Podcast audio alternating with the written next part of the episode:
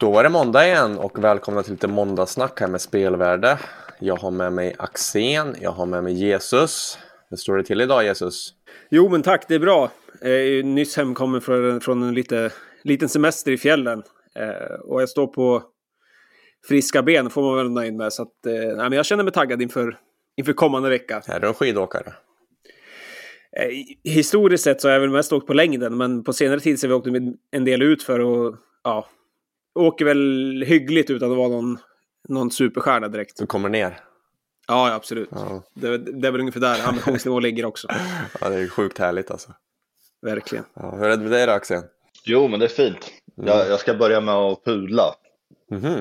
uh, jag sa ju förra veckans avsnitt att när det var dimma där, att det var uh, Karl XII jag såg i dimman. Alltså Eh, då syftar jag på Lützen, Lützendimman, att han var till skjuten där, den där kungen. Men det var ju inte Karl XII, det var ju fel.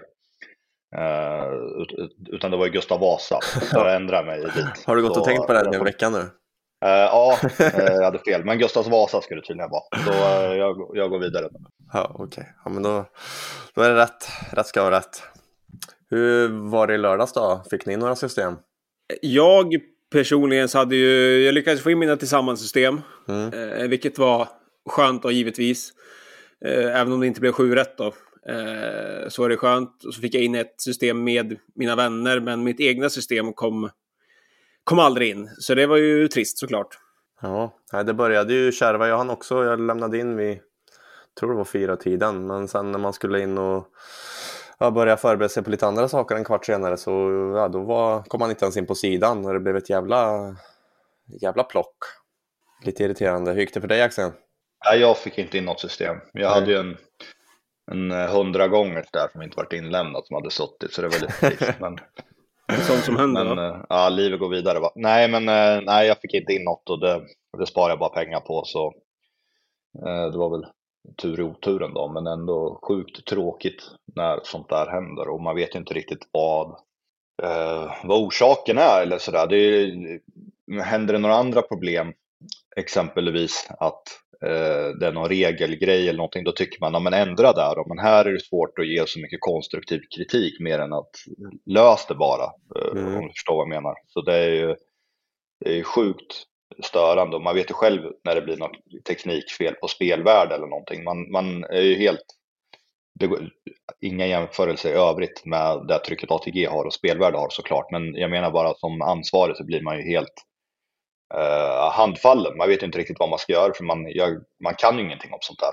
Uh, och det, som sagt, det är svårt att ge så mycket mer specifik kritik till ATG mer än att det är otroligt dåligt att sidan gör sådär titt som tätt. Eh, ja. Bara lägger ner eller inte går att lämna in. Och det har varit ett problem de har dragits med i många år att det händer då och då att mm. det bara kraschar. Och det var ju lite oväntat. Jag menar inför nyårsafton så kan man ju så här vara beredd på det och då vet jag att då lämnar jag in tidigt fast att det inte känns helt rätt i magen att göra så. Man vill ju vänta så länge som möjligt men då är det, det är så viktigt att vara med då när man ändå har läst på. Eh, så. Men den här omgången känns det som där var man inte riktigt beredd på att det skulle ske. Nej, det var ett, eh, ett fel som pågick länge också för eh, jag försvann ju direkt på egna systemet och ville ju gärna ta omtag på V5 men det kunde man ju inte heller. Så det, eh, det pågick ju väldigt länge. Ja, äh, riktigt ja. tråkigt och ja, vad kan man säga mer än att se, se till att lösa skiten bara. Lägg all kraft som finns på att för det kostar ju pengar för dem. Vad har varit det i omsättning på V75? Var det 70 miljoner eller? Ja exakt, det blev 74. Mm. Ja exakt, det känns väl som att de kan väl ha tappat en... Ja det var ju ett gäng miljoner då såklart. Mm, ja det är ju också väldigt illa givetvis eftersom det är därifrån vi får våra pengar till, till sporten. Så ja, vi har ju fått någon som har skickat in sin frustration här också, vilket vi förstår. Tony, Ols Tony Olin Uh, tänkte jag kan ta och läsa upp. Givetvis skrivit det lite frustration, vilket vi förstår. Hej! Vet inte hur många lyssnare ni har i er podd, men tycker ni ska ta upp inkompetensen inom ATG. Deras IT-system är uppenbarligen feldesignat och nu måste deras lord till vd ta konsekvenserna och avgå. Deras CPO och IT-ansvarig detsamma. Har nu varit fyra, fem gånger senaste året det ej går att lämna in. Eh, senast var det filsystem och andelssystem. Nu låg sidorna nere på ATG.se och tillsammans och det var omöjligt att lägga in system. Eh, jag hade två jokersystem, jokersystem som båda gav 7 rätt, så den här gången svider det ordentligt personligt. Och hela, hela Travsverige borde kräva en ny vd omgående så att det inte händer igen. Ja, vi, eh, vi förstår väl frustrationen helt enkelt. Ja, det är inte så mycket mer att göra. Alltså så. Eh, sen tror jag inte att en ny vd kommer se till att det inte blir några fler problem så sett. Han, vill, han vill nog lösa det här. Eh, exakt, det ligger i hans intresse. Mm. Eh, eller allas intresse såklart. Eh, sen är det ju det, är det som är problemet med ATG. Att det, det är ju just lördagarna strax innan V75 så är det ju en eh, extraordinär press på, på, på sidan såklart. Mm. Eh, svårt att jämföra med så många andra sidor. Att det är just en halvtimme där som det är extremt tryck då. Uh, och jag, jag vet inte, jag, jag kan ju inte heller någonting om, om sånt där, precis som Axén sa. Det är ju svårt att ge någon konstruktiv kritik när man inte kan någonting överhuvudtaget själv. Mm.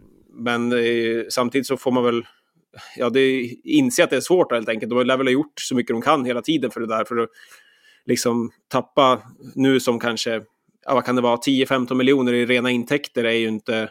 Det är ingenting de vill det är ingenting de vill, exakt. Mm. Så, så, att de lär väl ha lagt de resurser som går, men, men som sagt det är en extraordinär, eh, extraordinär tryck just den här tiden. Då. Mm.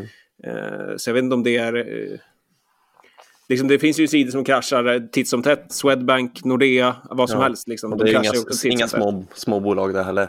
Nej, de har ju en hyfsad budget de också liksom, ja. vad gäller IT. Så, så att det är det, problemet är väl att IT inte är tillförlitligt helt enkelt. Uh, sen det som är diskussionen egentligen är väl liksom vad man kan diskutera framför allt är väl snarare hur, hur det ska hanteras vid alla eh, när det blir strul. Ja, det, det, som vore på något sätt vore om du skulle bygga alltså bara no någonting bara för att få in en backup bara för att kunna få in system på något vis. Alltså, ja, det hade varit, själva exakt. sidan kan ju vara död. Det är mm. bara man kan få in de där förbannade systemen.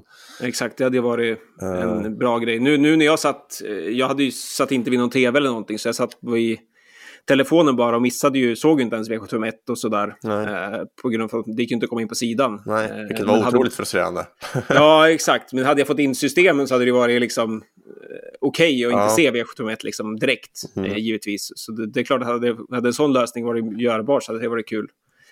Eh, såklart. Ja. Nej, det är trist eh, helt enkelt. Och vi får väl gå över och surra lite om loppen också. Vi börjar väl med V751 som ju inte var någon eh, rolig historia för oss heller då, för att vi trodde ju en hel del och spikade Björn Goops eh, Hirondell Sibey eh, som kom till ledningen. Eh, kom, Björn Goop var ju vaken här, togs ut eh, direkt, han fick chansen och eh, ja, var, var först fram och övertog ledningen och då såg det ju jäkligt bra ut tyckte jag i alla fall. Eller, hur kände du då i efterhand Jesus? Ja, som sagt, jag såg ju inte loppet direkt då, eh, men fick höra att Ini Mini Money Wow hade vunnit via tredje mm. på sista 1300, eh, vilket var ja, men lite förvånande sådär att höra. Eh, sen såg jag loppet då och det är klart att hon var ju eh, jäkligt bra samtidigt som Hiron Daisy Bay var ju eh, otroligt mycket sämre än vad hon eh, normalt sett är då. Mm. Hon var det i näst senaste starten så kvalade hon ju in till, eller hon var tvåa i mål i ett uttagningslopp till, eller Prix var det väl, Eh, ett eh, uttagningslopp till Prix då, var en tvåa där. Eh, men diskades för en trav då. Nu höll hon sig till trav hela vägen, men var ju, prestationen var ju riktigt dålig helt enkelt. Så, att det var ju inte allt som stod rätt till där, givetvis. Nej, hon var ju en fruktansvärd besvikelse. Jag travade ju knackigt också. Uh, har du någonting att tillägga Axel? Nej. Nej. Iskallt. Ja. ja, en eh, dålig prestation bara helt ja. enkelt. Jäkligt trist. Vi har ju fått eh, två eh, frågor också gällande, ja, som har kopplingar till V751. Då. Jag tänker vi tar dem direkt. Eh, Samuel S har skickat in eh, tack för ett mycket bra jobb. Synd på spikarna i lördags. Ja, det, det tycker vi med. Uh, nåväl, nu är det lätt att säga idag, men lördagen förstärkte två saker jag har tänkt på. Eh, den första, Björn Goop är inte bra på att bedöma sina hästar spelmässigt. Ibland ligger han väldigt lågt och vinner och nu spikade han sig själv och ja, det såg inte helt bra ut. Kan givetvis vara en dålig dag, men ändå. Och nummer två, hur läser ni av Fleming? Går det överhuvudtaget? Vet han själv formen på sina hästar innan upploppet? det var lite roligt. Det vore intressant med en diskussion om hur ni ser på olika inform informanter och hur ni läser av dem. Eh, Johan Dert har sen skickat in samma där gällande Flemming Jensen i sista avdelningen och med mini, i, i, i, i, Ini Mini Minimo. Inte världens lättaste. Uh, precis, uh, gällande Fleming och hur han uh, uttalar sig i media. ja, jag bollar över den bollen till dig Axel. Ja, men att Fleming, att han ligger lågt och ändå det kan komma sådana här prestationer, det är ju sedan gammalt.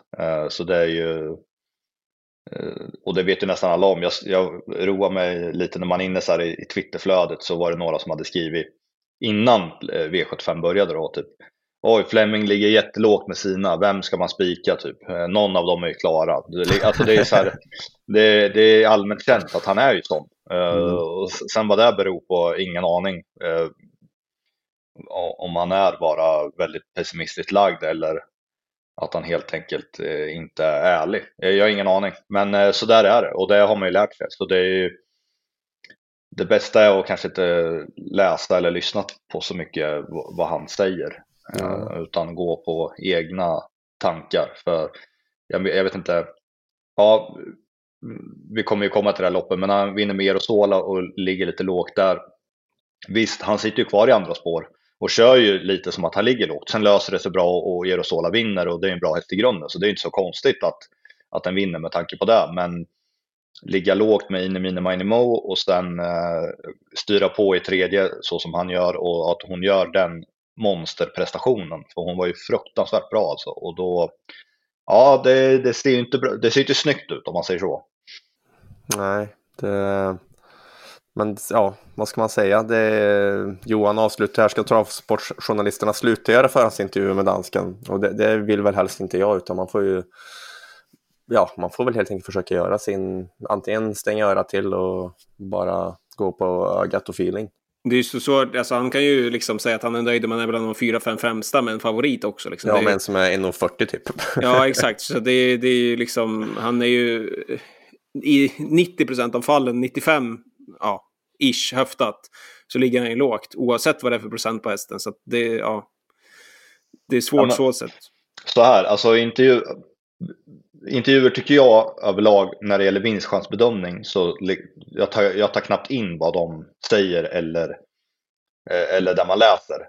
Nej. Jag tror på bra chans och så vidare. Alltså de har inte läst på loppet så det, det, den biten skiter jag i. Men, men, men med Jensens intervjuer så kan det finnas annat som är intressant. Så jag, jag läste ju ändå alla intervjuer. Men det var ju någon nyligen han hade, jag, jag blandade mig ihop alla omgångar med, var det kanske någon V64-lopp jag tippade eller något.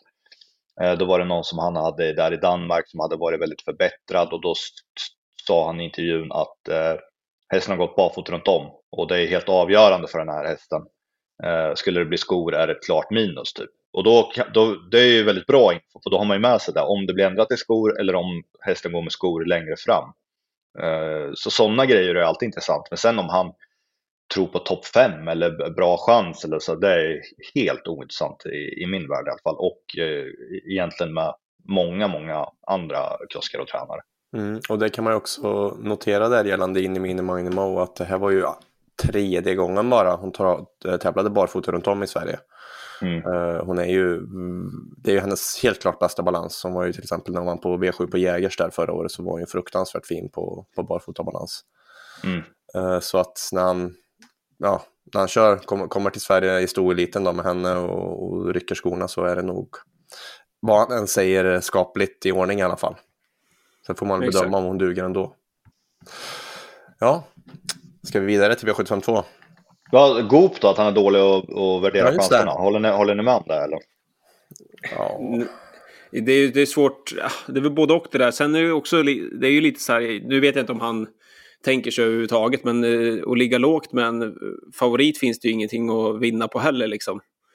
Eh, det är ju, har du en favorit och allt låter bra så är det ju större chans att få sitta fred exempelvis i ledningen. Eh, Mm. Så att det... Ja, jag vet inte. Hade jag, hade jag varit honom så hade inte jag heller velat ligga lågt i onödan liksom, för att få mer körning mot sig. Liksom. Eh, lite som du sa i någon podd här här förleden, Axén, med någon ID exception, eller vad var det han norska Mm. där? Mm. Hade ju typ varit halt i, i, i veckans jobb innan Ja, norska kriteriefinalen. Eh, Precis. ja, lätt överdrivet med halt då, men ni förstår Ja. vad jag menar. Hade ju inte alls varit fin. Eh, men där gick de ändå ut och sa allt är kanon. Och så fick Ja. de ju sitta och bluffa i ledningen och vann kriteriet. Hade man, gått ut och undan, sagt, ja, liksom. men hade man gått ut och sagt så här. Nej, gud, fan vad den här har tränat dåligt. Eh, riktigt dålig i senaste jobbet. Ja, men då Mm. kommer ju någon och pressar eller ska överta eller försöka. Mm. Liksom. Och då torskar man kriteriet på det. Ja, men exakt. Och sen kan det ju vara, det här är ju, i det här fallet så kan det vara bara att ja, men Hirondelle Bay ska ju normalt sett vara överlägsen det här gänget kapacitetsmässigt och Goop kanske tyckte att det var en bra uppgift, och, men sen var hästen sjuk, så då är det så här, ja, vad ska han göra åt det liksom? Eh, men det finns ju många aspekter på det där med att uttala sig på förhand. Eh, och det är också sådär man får tänka på när man läser intervjuer generellt. Eh, även om det är både när det är uppåt och neråt och allting liksom. Att man det, eh, generellt sett är det väl att, att inte dra allt för stora växlar på varken det ena eller det andra kanske. Att mer lita på sin egen, sin egen bedömning. Mm. Till exempel, vi, jag var ju ansvarig för spik där på Agassi Broline som Björn då körde förra onsdagen. Där var det ju väldigt låga tongångar på förhand. Eh, jag tyckte väl ändå, jag, min tanke var ju också lite där att det är en häst de håller högt. Eh, så att han säger, att han har tränat bra men han är absolut inte på topp. Nej men det är han ju inte. Det, det Nej, ljuger jag inte om, utan, men det är ju en häst som är bra. Och Kanske han- inte behöver vara på topp för att vinna liksom. Precis, och med spetsläge, Björn. Ja, men, ha, jag är- jättenöjd med den spiken även i efterhand. Den var 15 procent, fick tryckt i 12 och 6 första varvet och höll jättebra tycker jag. Eh, så att eh, man får försöka ha en egen feeling också vad de... När, när, liksom, när han har det här loppet i kroppen och kanske ett till och sen han rycker skorna, ja då givetvis så är han ju mycket, mycket bättre då. Eh, men han kanske skulle duga ändå då, i det loppet som var. Mm. Jag tycker i alla fall inte Goop sticker ut som någon dålig och Nej, övervärderar chansen. Men inte så här heller, herregud vilken träffprocent han har. Men eh, det säger väl bara lite om hur, hur svårt det är med trav Ja. och veta prestationer och, Det det. och hela den biten. Det, eh, det kan vara värt att eh, tänka till extra kring det. Att man har den ödmjukheten. Att det är förbannat svårt alltså med trav. Verkligen. Inte, ja, oh, nu såg jag Dallas i listan också. Det var sjukaste insatsen jag har sett på år och dagar. Helt otroligt. Ja. Uh, V75 2. Vi hade speldrag på Drissel och eh, ja, feeling länge, länge, länge, länge, länge för att det skulle hålla det där. Men eh, nej, det ville sig inte riktigt. Marabou Brodda, Thomas Urberg tog sig förbi eh, med Drissel som tappade trav lite i ledningen. Eh, lite bakflyt får man väl säga va, Axén? Ja, absolut. Ehm, samtidigt Marabou Brodda gör ju en, en bra prestation. För fick- får visserligen sitta i andra utvändigt, blev ju avlöst där och sen, men sen går hon på i tredje som första häst och, och går ju bra hela vägen in mot mål. Men kan Drissel eh, ja, trava för fullt så att säga, det var ju väldigt ko- konstig stil sista biten, så, så håller han nog undan. Så det var lite trist. Mhm. Il Forte satt ju fast i rygg där också. Den kanske var värt att... tror det fanns lite kvar där i alla fall. Såg ut som att Mm. norskan var oryckt va? Så det fanns väl kanske värt att... Den är lite på gång igen. En grej att fundera på där, eller fundera på, men en grej man kan notera i alla fall, just det där med att det är skillnad på, det har vi sagt många gånger förut såklart också, men att det är skillnad på sport 12 i, i voltstart kontra autostart. Mm. Eh, I det här fallet då, så Urberg prickar ju från sport 12 och eh, hamnar ju utvändigt ledaren initialt, eh, vilket han sannolikt inte hade gjort bakom bilen då. Eh, sen var det ju Tror såklart du inte? tacksamt- Nej, det tror jag inte. Eh, och sen eh, blir det såklart tacksamt att han blir avlöst då, eh, givetvis. Men eh, just det att kunna slinka igenom från dåliga spår och i voltstart är ju extremt mycket lättare. Eh, och med snabbhäst så är det ju värt att eh, ta med sig till framtiden givetvis. Givetvis. Uh, guld sen. Vi spikade Aetos Kronos som man äntligen skulle plocka skorna på. Och eh, det var ju, vi var ju väldigt spända på att få se honom nu. Lite på allvar efter att ha tävlat med skor hela vintern och gjort det halvhyggligt utan det där lilla extra, men han är ju mycket bättre barfota runt om. Men eh, ja, han fungerade väl inte riktigt. Började sjabbla redan 800 kvar och galopperade när luckan skulle komma i sista sväng. Och Önas prins sprang, ja, sprang han till sig en rosa biljett eller gjorde han inte det? Han, han kommer väl få det förr eller senare såklart. Uh, jag, jag, tycker det var så intressant med Önas prins. Uh, alltså, vad, vilket hets det har blivit på honom. Uh, jag, jag, var till och med tvungen att lägga ut en tweet från Spelvärdes konto där att han stod ju 12 gånger och vinner Elitlopp. Jag fattar ingenting. Uh, och nu ser jag att han är nere i åtta gånger att vinna. Var precis på väg in och för att kolla också. Ja, men så här, åtta gånger att vinna Elitlopp. Alltså, så här. Om, skulle jag uttala mig i tidningsrubriker och sådär, då skulle jag hålla på, ja, han är helt chanslös. Men det är ingen häst är chanslös och jag fattar ju också att Önas Prins kan vinna Elitloppet. Um, om allt stämmer och så vidare. Men, men till det oddset, det, det, alltså, jag vet inte om jag har sett ett sämre odds. Vad ska du, vad ska du ha för att spela? På Önas? Nej, upp, uppåt 40 gånger, då, då kan jag fundera på att spela Önas Prins. Mm. Uh, och jag, jag menar liksom, hur ska det gå till? Ja, men då, han ska få ett väldigt bra spår i försöket eh, och, och, komma till spets, leda typ och sen ska han eh, gärna spets i finalen också då. Men han möter ju Samotör som är inbjuden är i alla fall 50 meter bättre än Annas Prins. Och sen har vi de här franska som ska komma, Horse Dream, Etonant vill ju komma igen. Eh, ja, vad har vi? Don Fanucci sett, Francesco sett. Det är liksom jag, jag fattar faktiskt ingenting av att Annas Prins spelas ner till åtta gånger. Och det är inget där, det är, det är inget, man, kan tänka sig att, eh, ja, men, att jag inte gillar hästen eller något sånt där, men man blir ju lite anti när, när det blir sånt hås på en häst och man inte håller med om det här håset. Hade det varit tvärtom, att är, han står i hundra gånger och alla distar honom, ja, men då kanske man hoppar på det här tåget istället. Men nu är det ju snarare liksom, jag är helt oförstående till till hur man kan spela ner den så hårt alltså. Mm. Jag köper det. Jag tror också att han är helt iskall i ett Elitlopp. Du skulle ha hundra ja, gånger för spelare du har sån. Ja, men, ja, alltså. jag, jag, jag, tänker nog en 70 eller något sånt där i alla fall. Mm. Jag noterade faktiskt att nu, jag kollade Elitloppsoddsen, ja vad blir det? Vad kan det vara? Tre veckor sedan, något mm. sånt där. Eh, då stod han i 50 gånger. Mm. Eh, om det var på Svenska Spel eller ATG, jag kommer inte ihåg, men Svenska Spel tror jag det var. Då stod han i 50 gånger och vinna Elitloppet. Eh, men sen så vevades det igång med, med snack och så vidare och så vidare. Och så helt plötsligt var han nere i, vad sa du Axel, 12 gånger innan det här loppet. Ja. Eh, så efter att han varit med i diverse poddar och intervjuer och, varit uppåt så stack det från 50 till 12. Eh, och sen det 8 nu då. Och jag vet inte, egentligen har väl ingenting förändrats från för tre veckor sedan. När han stod i 50 gånger och nu 8 gånger. Eh. Nej, och det här loppet sa ju ingenting. Spets, bestämma, snabb avslutning. Att Etos Kronos galoppera, Very Kronos var usel. Ja, Very Kronos, ja. det var ju ett... Usch vad tråkig han såg ut.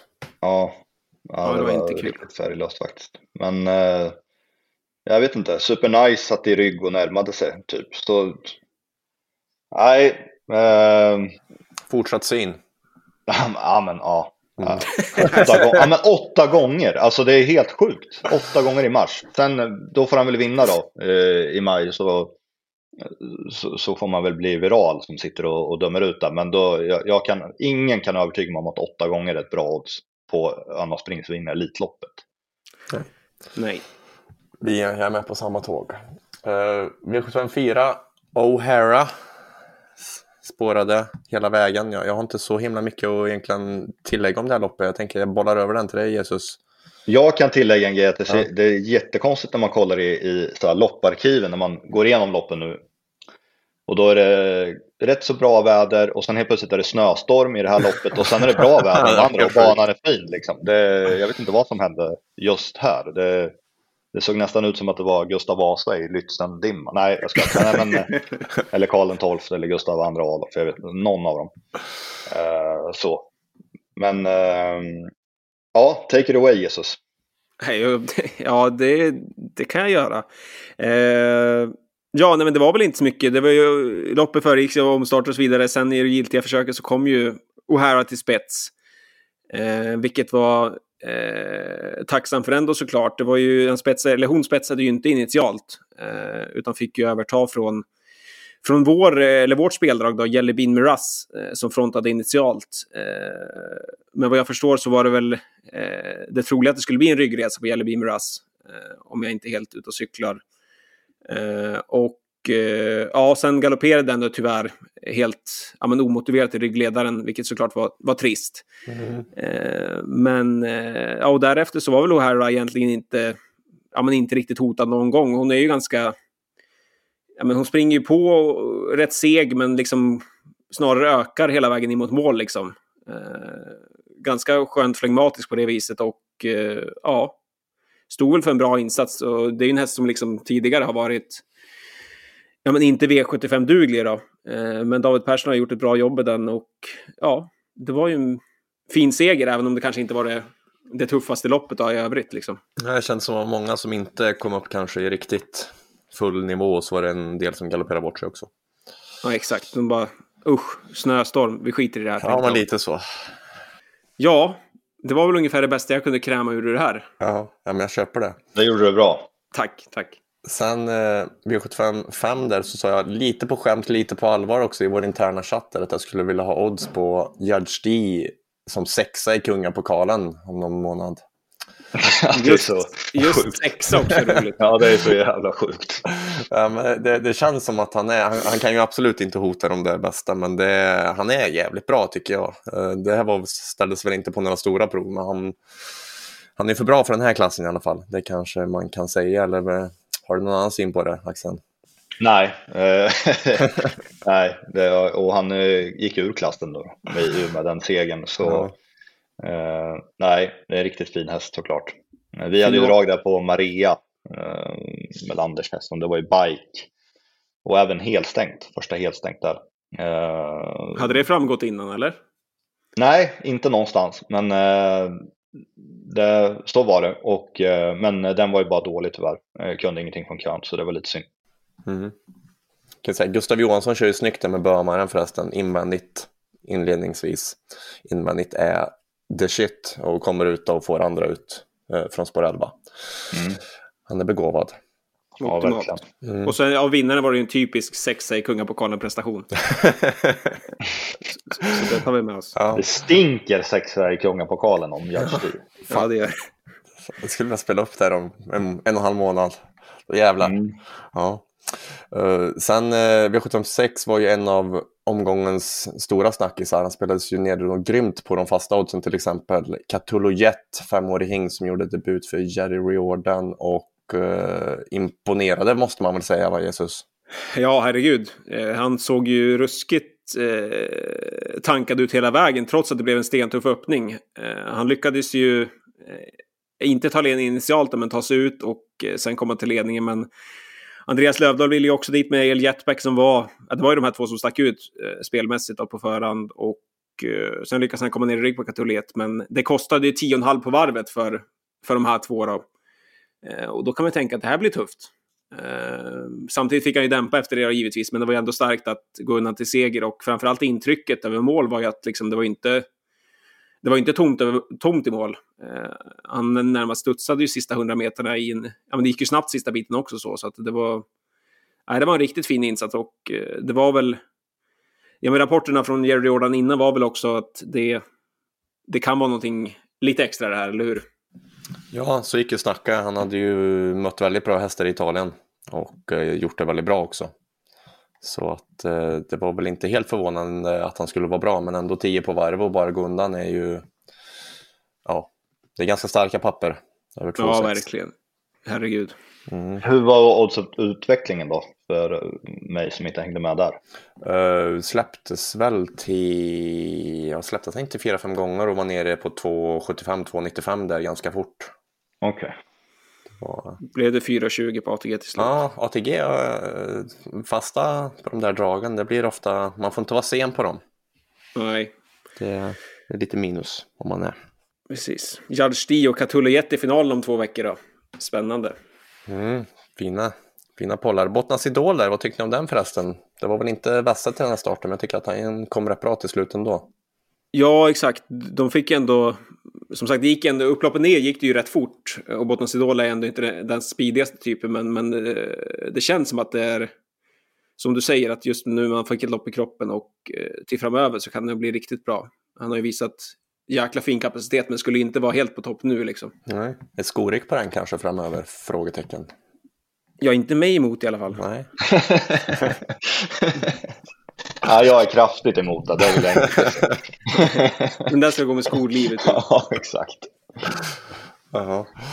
Och så avslutar vi med silver då, där den där Flemming Jensen låg lågt med Rosola, stod i 4,80. Eh, 15 på V7, barfota runt om och det löste sig från andra ut och han vann lätt. Ja, Mm. det var väl, väl sammanfattat. Mm. Eh, det var ju, jag tippade ju det här loppet då. Eh, kan man väl säga, eller ja, det gjorde jag. Eh, Kan man säga. var det någon annan som tippade? Det var Nej, exakt. Nej, det var jag som... Bakskrivare. Du Exakt, var bara nej. ansiktet utåt för loppet. Ja, exakt. Jag, nej, jag tippade det i, eh, i fjällen då. Eh, och eh, Erosola, ja, det var ju lite svårt att bedöma eh, såklart. Dels återkom han efter uppehåll, eh, en och en halv månad. Eh, dels är han klar för final om två veckor och Fleming var ju tydlig med att formen ska vara på topp till dess. Samtidigt väldigt bra häst, stort plus för barfota runt om. Minus för att det inte skulle bli någon ledning. Så att det, ja, det var, fanns lite plus och minus och där. Eh, jag tyckte väl att han var ett, ett vettigt streck, men att procenten låg ungefär där den skulle eh, totalt sett. Och eh, som vi sa här innan så löste det sig väldigt bra. Eh, han, I det här fallet så körde han ju efter hur, hur han sa på förhand då, att han låg lite lågt. Eh, satt kvar i andra utvändigt och sen löste det sig optimalt. Så att när luckan kom så, så såg man ju vartåt det barkade. Eh, givetvis, det är ju en väldigt bra häst i grunden. Så det fanns inte mycket att säga om det eh, totalt sett. Så att jag vet inte.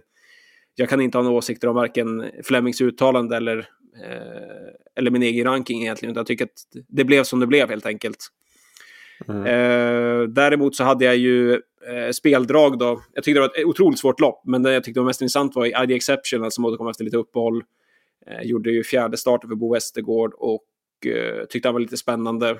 Fick ju göra mycket jobb, men ändå Eh, borde vara lite bättre för att få plusbetyg för insatsen då. Den var inte riktigt lika bra som jag hade hoppats på, eh, kan man väl säga. Eh, Där bakom så fanns det ju lite bra intryck. För, eh, Unique Creation såg ju väldigt bra ut i skymundan. Eh, Ska ju ut i final om två veckor. Sen, ja. Jag, jag tyckte Jeppson var lite... Ja, han, det, det syntes redan 800-900 kvar att han eh, skulle, bli, skulle bli farlig här för han började som han gör när han är, känner att han har någonting i linorna i döden så att han börjar vrida på nacken typ var 50 meter och kolla Fleming, Fleming, Fleming, Fleming, Fleming. Så Ja. han kände att han hade mycket att åka med med Corsonero Font men det, det gick ju inte att hålla inne Fleming. Men eh, den var ju en duktig tvåa då. Ja, han är väldigt vaken i loppen Jeppsson och det var ju, som du sa, han hade ju koll på vad som var värsta hotet, men Mm. det gick inte att göra någonting till slut när ID Exception tröttnade i tredje. Nej, gjorde ju inte det. Och men det var ju bra Corsonero Front, trots att den torskade som tvåa. Ja. Som är i silver, men den här Catullo Jet, vad jag förstod det har väl, jag har faktiskt inte sett de loppen, men den har väl bollat med Corsonero Jet några gånger, Corsonero Font några gånger i Italien. Så att det var drag på Catullo Jet var väl kanske inte så konstigt då. Nej. Nej. Eh, Vi har ju fått in lite fler frågor. Eh, Vi kör väl dem direkt va? Jajamensan. En från Andreas Oskarsson här. Hej! Lyssnar alltid på er på tisdagsmorgonen när man fixar stallet. Eh, Vill att podden ska vara runt 54 minuter. Nu har vi 20 kvar nu då, så vi jobbar. Eh, lägger ni någon vikt när kuskar väljer sina styrningar om ni kollar anmälningslistorna innan startlistan är klar? Gör du det Axel? Det är lite intressant att kolla, det kanske man borde göra mer. Eh, ibland om det är Ibland man tänker oj, valde han den? Då går jag in och kollar om han var uppsatt eller inte och om han har valt. Så det tycker jag ändå är intressant uh, att se, för det är ändå en fingervisning. De flesta, inte alla, men de flesta väljer ju den som de tänker de har bäst chans med. Sen uh, finns det lite andra grejer som styr. Uh, exempelvis om man är bra kompis med tränaren eller ja, men man vill vara lojal på något vis. Liksom. Att då väljer man hellre den man brukar köra åt och så. Men ibland kan det ju vara att de är uppsatta från samma stall, två hästar och så i första hand på båda. Och då är det kul att se vem de väljer. Mm. Så det, det, det, kan man kolla på. Ja, jag tycker också att det är intressant. Det är spe, speciellt då när det är lite V7 och så och man ser att ja, men, samma kusk har kört några hästar i samma lopp så är det ju spännande att se om han, det var den han valde eller om det var någonting annat. Ja, just, när, just i finalerna kan det ju vara att en toppkusk ska kvala in tre hästar. Mm. Eh, så, så, just i sådana lägen kan det vara väldigt intressant. Sen så kan det vara otroligt jämnt mellan hästarna och sen får en annan ett bättre spår så hade han hellre valt den. Men de väljer ju innan spårlottningen så att ja. Men det är kul att kolla, jag håller med. Ja. Uh, sen har vi fått en fråga från eh, Robert här. Hej, har återkommit till travspelande efter att jag slutade spela 2011. Uh, lång paus. Tröttnade helt och i princip, princip aldrig vann något att tala om. Har varit igång cirka ett år mest med andelsköp hos, hos Hedlunds. Har även kört lite joker och lyckades få in sjuan på annandagen till cirka 70 000. Men min fråga gäller hur man ska tänka när man tippar själv på V64 per, för ett par hundralappar. Jag var nämligen ruskigt nära flera miljoner den sjunde andra på Jägersro, hade alla sex rätt på ramen och ett utgångskrav på två av fyra U-hästar. Uh, kika gärna under alias Happy Winner, var arbetskamrat till ägaren till denna treåringsstjärna hos Uno Norberg. Eh, jag fick in en U-häst, gick på Waldmiller och Urberg, men glömde Ornello. Surt förstås, men det jag undrar lite är hur man ska tänka när det gäller V6. Nu missade jag 45 000 på att jag bara hade V6. Kanske man inte ska tänka samma som andelsspelen som ofta kör V6. Det är ju flera som ska dela på vinsten. Det är kul att få 25 000 istället för 10 000, men inte lika viktigt att få 4 miljoner istället för 1,7 miljoner. Det skulle vara kul att höra er vinkel på detta. Ja, jag tycker att Eh, på V64 ska man egentligen uteslutande spela V6 om det är så att du inte, eh, spelar du väldigt fräckt, väldigt, väldigt fräckt och, och för en liten insats, ja, men då kanske man kan tänka på att avstå den, eh, den möjligheten då och spela för alla, alla rätt då. För kommer du, om du tar bort favoriter och spikarna och skräll och sådär, då, då kan det bli sådär att du blir ändå bra pengar på, på fem och fyra rätt. Så det, det är nog helt egentligen hur du lägger upp systemet då. Men eh, jag har svårt att frångå att spela endast V6. Det sitter så djupt inrotat i mig. Eh, sen är det en annan sak. V, V65, jag vet inte om vi har pratat om det så mycket, men det är också så här, hur ska man spela där? För där är det mer, kan vara mer intressant eller mer angeläget att spela för båda de potterna. Sen tyckte jag att det var ett undantag i fredags när det var jättejackpot eh, det var två miljoner extra i sexrättspotten. Eh, vilket är väldigt mycket pengar för den spelformen. Det är, ibland är det omsättning på två miljoner liksom, på V65. Eh, och, då, och så såg det ganska favoritbetonat ut. Då var den, tyckte jag, en no-brainer att spela endast V6. Men ja, V64, där håller jag, vidhåller jag ändå att det är endast V6 som gäller om du inte är extremt fräck. Vad säger Jesuspojken då? Eller Hansson. Ja, men det, det, det är ju som du säger, V6 sitter ju, jag spelar ju alltid V6 på V64. Eh, och eh, ja, alltså jag skulle rekommendera det också.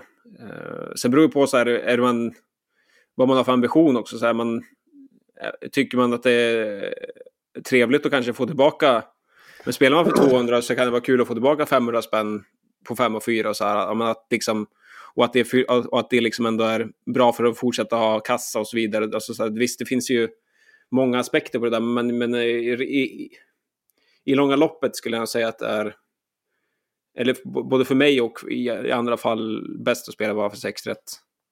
Mm. Typ så. Jag vet inte Hans, vad säger du? du? Du brukar ha koll på sånt här. Hur man ska uh, göra. Ehm, jag, jag, jag, brukar alltid spela V6, men det, det beror också lite beroende på om jag sitter vid datorn eller inte. Ofta så körs det inlämningsstopp till V6 när, eh, när ja, man håller på att kladda med läggning och grejer och då ska man sitta i luren och ja, det är lite multitaskande. Men sitter jag vid datorn och har lugn och ro så kan jag ibland, eh, om jag spelar fräckt, gå in på jokern, gå till utdelningsfliken och spela V6 för rader med en beräknad utdelning på och så fyller jag i upp till en viss summa ifall att jag känner att det skulle kunna ge väldigt bra och eh, jag skulle ändå skulle vilja få lite på femmer i så fall. Så kan du ju spela V6 som sagt kanske på rader ja, men 0 till 100 000 och sen så har du V64 på rader ovanför det. Så den funktionen är jävligt bra. Den ja, det är ruskigt bra. Det är en fin jag, jag visste att du satt på facit där. Ja, men precis. ja, men den, är, den är fin om man har lite tid. Det är inte alltid man har det, men eh, annars så är ju V6 att rekommendera. Nej, just den där utdelningsfliken är ju... Nu vet jag inte hur många som använder den, men det känns som att den är underskattad i alla fall.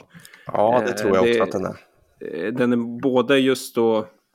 Ja, men man, man kan reducera bort rader eh, och sen sätta spann för vad man har V6 för och inte. Och Ja, det finns många, mm. ja, många vår, saker som går igenom det där. Vår kära tidigare kollega Farnod eh, tycker jag kom med skön, att man kan, bara för att se lite hur raderna viktar sig där så kan man gå in, för man vill ju vinna mycket pengar, till exempel på V7, så kan man gå in mm. och sätta ja, men minst 100 000 på utdelningskravet bara för att se hur raderna utvecklar sig. Helt plötsligt kanske du bara har 2% på en favorit som du egentligen tänker, men fan den, den kan ju vinna, alltså är jag helt kall då om den vinner på de här raderna, ja då kanske jag måste vinkla om systemet lite.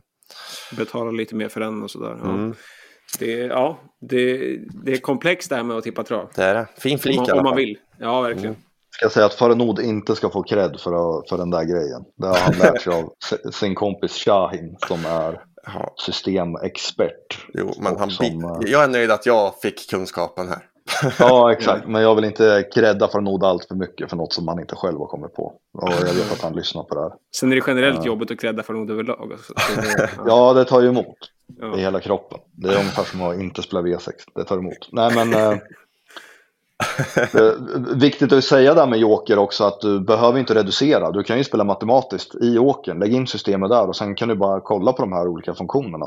Ja. Utdelning och vilka potter du spelar emot. Hur, det är inte fel att få en överblick överlag heller. Liksom. Nej, men precis. Så, man behöver inte, om man inte gillar att reducera så kan man ändå använda jokern till att se hur man lägger upp systemet. Mm. Ja. Du vann Hansson, bästa tipset. Ja, tack så mycket, tack så mycket. Uh, sen hade vi en uh, till fråga här då. Något att ta upp i podden. Det är alltid lika roligt, uh, roligt de veckorna farsan tar ut vår V75. Se bild, så har han en bild där på hur eh, Eh, utdelningarna ser ut för hans system. Hur hade ni lagt upp systemen om ni spelade för runt 200 kronor? Reducera? Frågetecken. Och i så fall, hur får man gamlingar att acceptera inlämning av ett reducerat system? Ge mig gärna lite sköna sågningar av spelets potential också så jag kan spela upp det för honom. Tack för en grym podd. Och då kan jag säga att bilderna visar att samtliga utdelningar, ja, potentiella utdelning för hans system då var ju under 10 000 allihop. Merparten på 1000 till 5000 så att eh, det fanns ingen, eh, inga, ingen stor potential i hans system då. Ja, men fatta hur många sådana här system som lämnas in. Alltså det, vad var det, ungefär 400 rader. Mm. Eh, 28 procent av dem riktar sig mot, med en utdelning på 500 till 1000 kronor. 58 procent av de raderna från 1000 till 5000. Alltså det kryper ju hela kroppen när man ser ja, en annan har en annan skada att det brukar stå 70 oreducerat eller utan vinnare. Man bara, jaha, får börja tänka om här.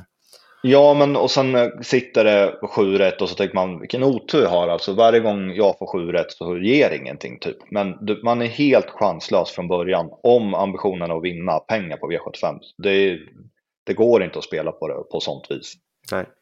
Så, så där, där, får du försöka lära farsan att ta med någon skräll i alla fall. Så det finns en häst som, som kan få upp utdelningen lite i alla fall. Inte bara de mest betrodda. En guldsvans att hoppas på. Ja, ja men exakt. En nollprocentare får han ju trycka in på systemet i alla fall. Så att, det, så att det finns något att hoppas på i alla fall. Ja men det, det är ju, hade ju, just det utdelningsfliken, ja, det, blir ju samma sak det här. Liksom. Man håller koll på vad man spelar mot. Ja. För något. Nej men eh, spelar, spelar man för 200 kronor ungefär då jag går väl lite efter devisen kanske att ju, ju mindre du spelar för ju fräckare måste du nästan vara.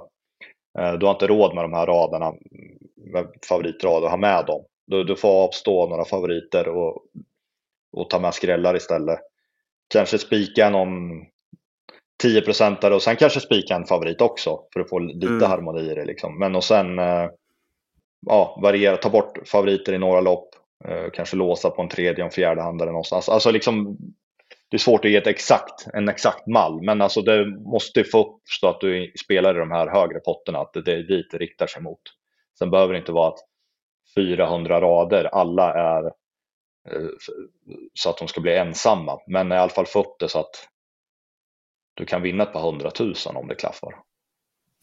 Mm. Tycker jag. Annars kan man lägga ner lite. Ja, det är ju jobbigt att ha en max, max vinst på 10 000 och då skulle du Ja. ändå få in sju lopp eh, också liksom. Det är så svårt ändå att få sju rätt. Då ska du ha absolut, absolut maxklaff och då vinner man 10 000. Nej. Det känns som de där är ju fan lika svåra att få in. Alltså, Eh. Ja, nere ja. 8000 som nere i 80 000. Ja men typ. Så, Ge sig själv möjligheten. mm. Ja.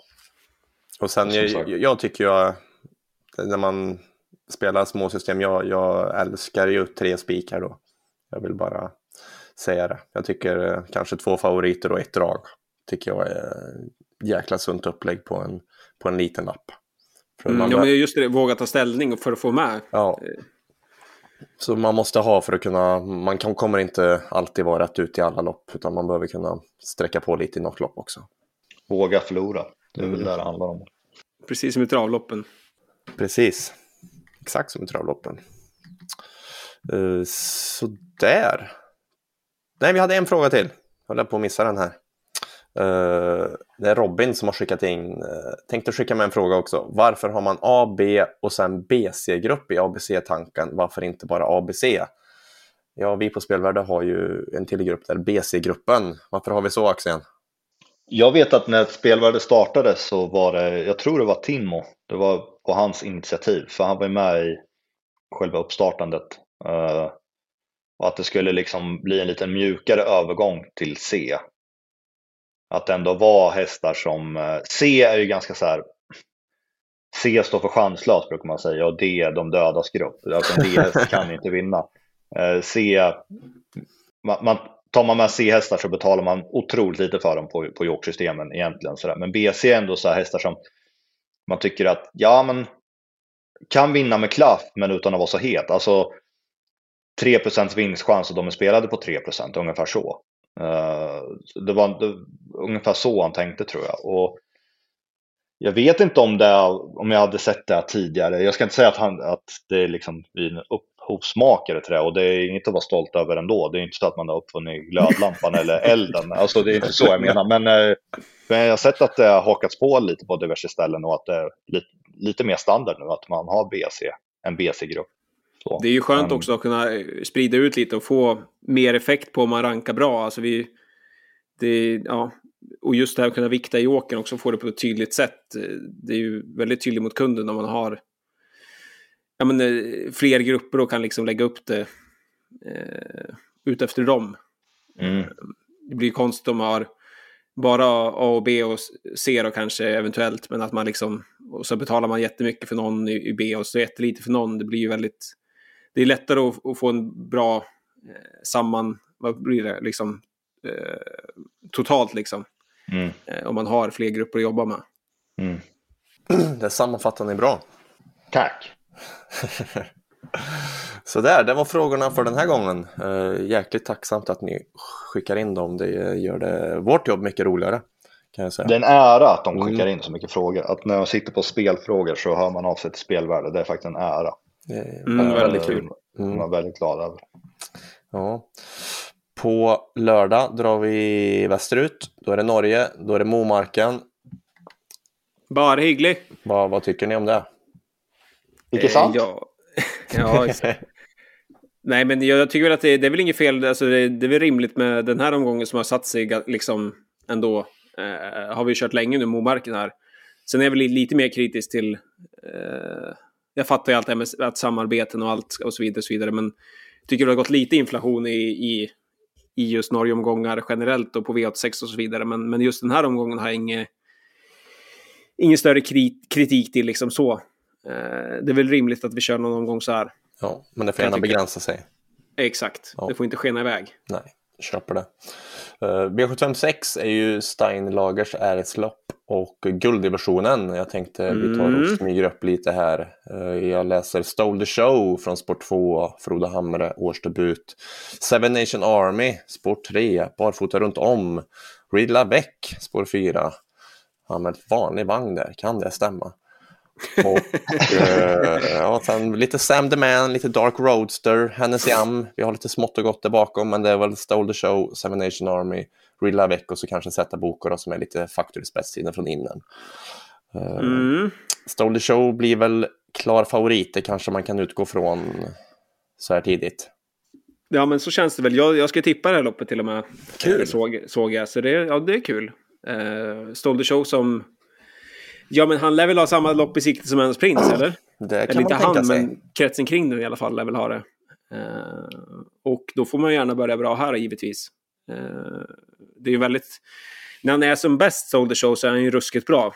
Eh, så han har ju, tycker jag i alla fall, i Elitloppet att göra. Eh, det kanske alla tycker, inte vet jag. Men ja, ja. Eh, så det ska bli kul att se han i årsdebuten här då. Eh, som du säger, Seven Nation Army är väldigt fartfylld och Ridla Väck.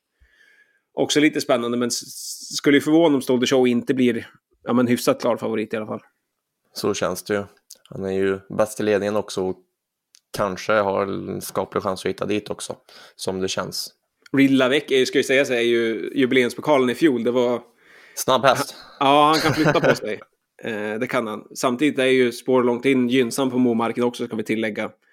Det är väldigt långa rakor så att de får upp farten där från innerspår och spår 2. Mm. Men tror du att man, tror att man svarar med Ridley Väck då? Nej, det är också en fråga. Det är inte säkert man gör det. Får, man får ju kolla lite såklart i Mm. de här intervjuerna som säger allt. Det har vi kommit fram till. Eh, nej, men eh, jag får kika under veckan såklart vad, vad ambitionsnivån ligger på, på konkurrenterna givetvis. Men jag vet inte, eh, har du någon spontan känsla Axén?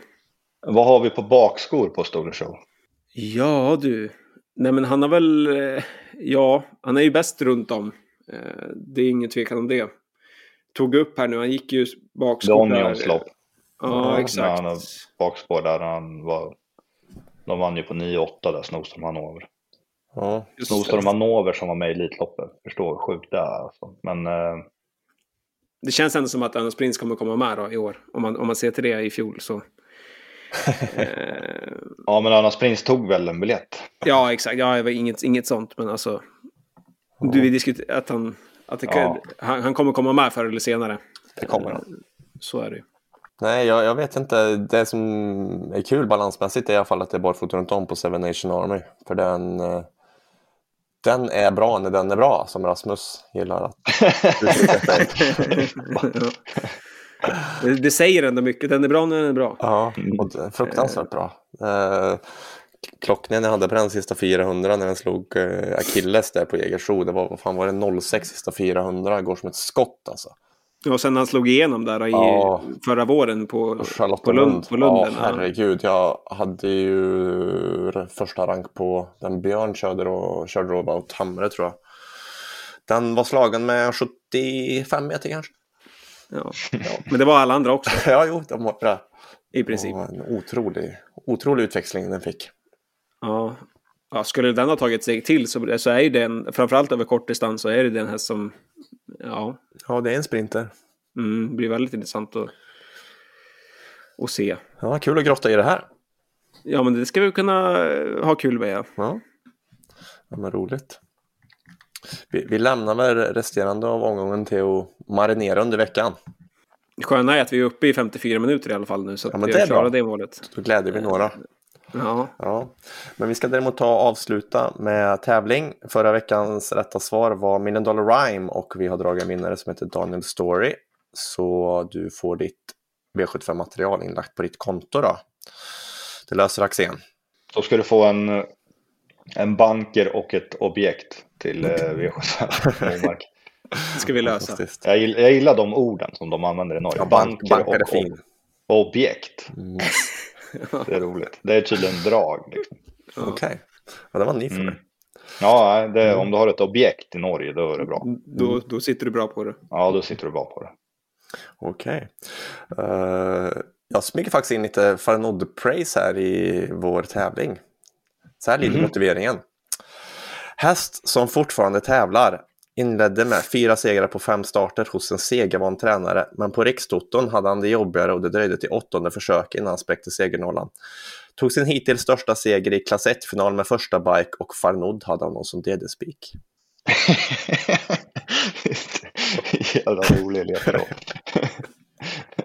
det, det måste ni ha koll på där ute, vad Farnod spikar på DD. För, första bike och DD-spik och Farnod, det lät ändå som... Det var otroligt. Det var inget påhitt. Jag opponerar mig inte mot, Nej. det, mot det. Det gör jag inte. Nej, det står ju still. Ja, faktiskt. Undrar om Farnod tar den här. Tvek, va? Nej, jag tror inte det. Ja, nej, men eh, ni får tänka på den eh, helt enkelt. Så skickar ni in till tavling.spelvärde.se eller på våra sociala kanaler och eh, skickar in ett svar så kan ni också vinna V75-materialet då till nästa vecka. Mm. Det var Final allt. i V7 då. Ja, helvete vad skoj. In med era svar. Är, man he- är man helt väck med Önas Prins eller? Du är helt väck. Ja, det är så. Ja, Ja, jag blir typ orolig för man har ju missbedömt den hästen så många gånger. Men ja, jag sitter och kollar oddslistan i Elitloppet här. Jag Du har fastnat på där. huvudet. Ja, men det... Jag får det inte att gå ihop. nej. Det, som alltid i mars känns det som att Elitloppet kan bli kul. Jag såg ju Joviality kommer till Sverige också. Jag vet inte om de siktar på den till med Elitlopp eller om de ska fega in och fyraåringslopp istället. Men eh, Tarzan skrev väl någon krönika där om att det är Elitloppet och... Tarzan skriver mycket. Jo, va? Gör han? Allt, allt stämmer väl? Men det hade varit kul. Joviality står ju 60 gånger exempelvis. Där, Ja. där skulle man kunna ta blint utan att ha någon aning om någonting. Skoryck, bra spår i Elitloppet. Det kan, kanske kan vara en faktor i alla fall. Det hade varit kul. Det- Ja. Jag tänkte på en grej igår. Eh, eh, Vivid Vice As vann ju. Mm. Eh, vet ni hur mycket den hästen hade tjänat inför den starten? Ingen aning. Ja. Om du får gissa då Hansson. 18 miljoner? ja, jag ska gissa på... Ja, men jag tar väl i lite då. 21. 28 miljoner. Åh jäklar. Oj. Jaha. Det har man typ missat. Eller liksom så här, det är, man ser ju det men det känns som att man studsar på det ändå. 28 miljoner. Bra pengar. Sjukt alltså. Ja, Så är det. så är det. Vi Vi hörs, så. hörs på fredag igen. Uppsnack. Det gör vi. Bra. Hej då!